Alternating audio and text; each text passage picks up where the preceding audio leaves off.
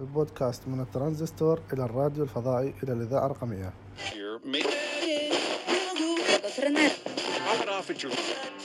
تعريف الإذاعة. وسيلة اتصال صوتي تتم عبر موجات الراديو بحيث تقوم محطات البث الفردية بنقل الأخبار الموسيقى وأنواع مختلفة من البرامج إلى المستمعين.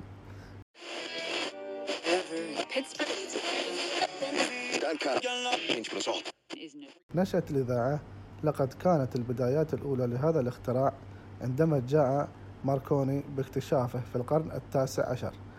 واستطاع إرسال أو إشارة إلى مسافة أربع أمتار ثم توالت تجاربه لنظام الإرسال والاستقبال.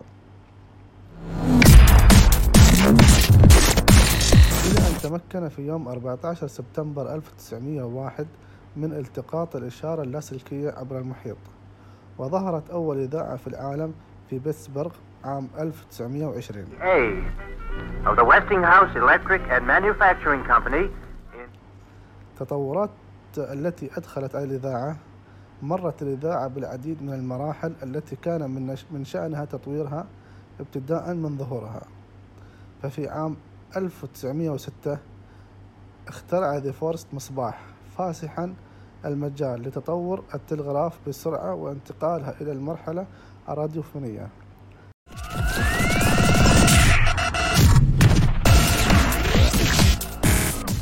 مرحلة المذياع الهاتفي. استمرت الأبحاث في مجال اللاسلكي والبث الإذاعي لتحسين النوعية والمدى حتى بداية العشرينيات. سنة 1920 ظهرت أول محطة إذاعية في موسكو وأول برامج يومية مذاعة من محطة ديترويت نيوز. ومن ثم بدأ التحسين على الصوت الراديو ومن بعدها تم تعديل على الإشارة اللاسلكية بحيث تصل إلى مدى بعيد.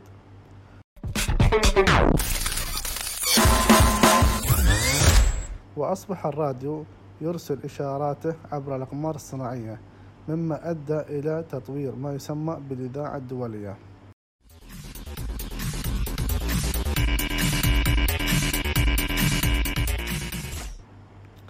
الترانزستور هو جهاز مستقبل إذاعي صغير مبني على الترانزستور مصطلح الراديو الترانزستور وهو يشير إلى الراديو وهو وحيد القناة الإذاعية وظهر عام 1946 الراديو الفضائي. بدأ العالم في التعامل مع ثورة التكنولوجيا الإذاعية المتمثلة في الراديو الفضائي. الذي يستقبل إرساله مباشرة من الأقمار الصناعية الخاصة بالبث الإذاعي والذي يمكن المستمع في أي بقعة من العالم الاستماع لكل إذاعات الدنيا وهو في مكانه دون عناء وصوت واضح.